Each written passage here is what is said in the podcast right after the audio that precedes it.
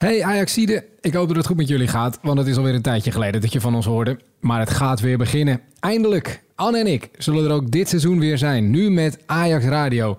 Komt heel veel moois aan, maar de podcast, dat gaan we net even anders doen.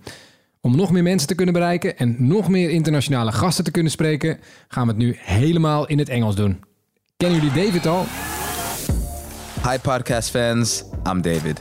You've probably seen me by now as the host of Ajax Media Channels or the TV show Inside Ajax on Ziggo Sport.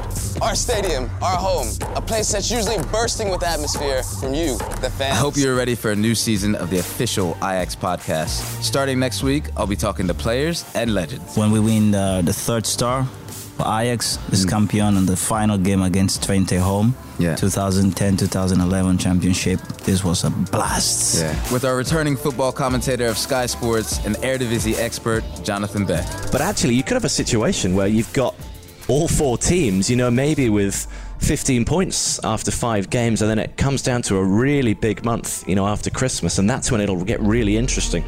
Fans from all over the world, Okay, so I'm uh, I'm in uh, a city of Hobart, which is the, the capital of Tasmania, which is the, uh, the tiny island just to the south of the mainland of Australia. get ready for the new official Ajax podcast. You can find it twice a month wherever you get your podcast, but on Ajax website first.